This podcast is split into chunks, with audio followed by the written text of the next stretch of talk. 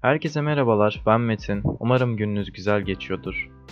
Size kısa bir blues tarihi çıkardım. Ee, bu da benim ilk podcast'im olacak. Biraz heyecan, biraz amatörlük. Ya bence tamam amatörlük tabi. Neyse ben hemen yazdığım terimlere geçeyim.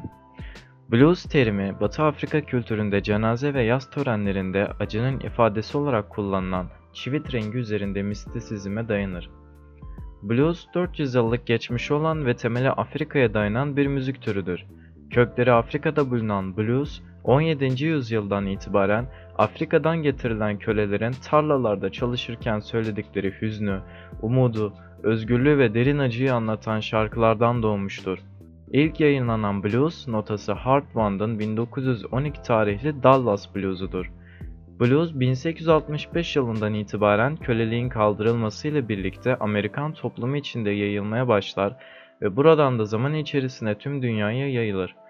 1910'lu yıllardan itibaren ise blues Amerika'da birçok şehire yayılır. Bu şehirlerdeki kültürle ve müzikle harmanlanır ve yeni blues türleri ortaya çıkar. Bunlardan bazıları Delta Blues, Memphis Blues, Texas Blues'dur. 1930'lu yıllara gelindiğinde blues, caz müzik ile harmanlanarak Robert Johnson, Big Bill Bronzy, Sonny Boy Williamson, Lonnie Johnson ve Tom Petty. Telaffuzlar için kusuruma bakmayın. Blues'un formu genellikle Afrika ve Afro-Amerikan müziğinde bulunan çağrı ve cevap düzeniyle akor dizilerini tekrarlayan döngüsüdür. 12 ölçülük blues, popüler müzikte en çok kullanılan akor yürüyüşüdür. Blues notaları genellikle bemolleştirilmiş üçlü, bemolleştirilmiş beşli ya da bemolleştirilmiş yedili olarak isimlendirilirler.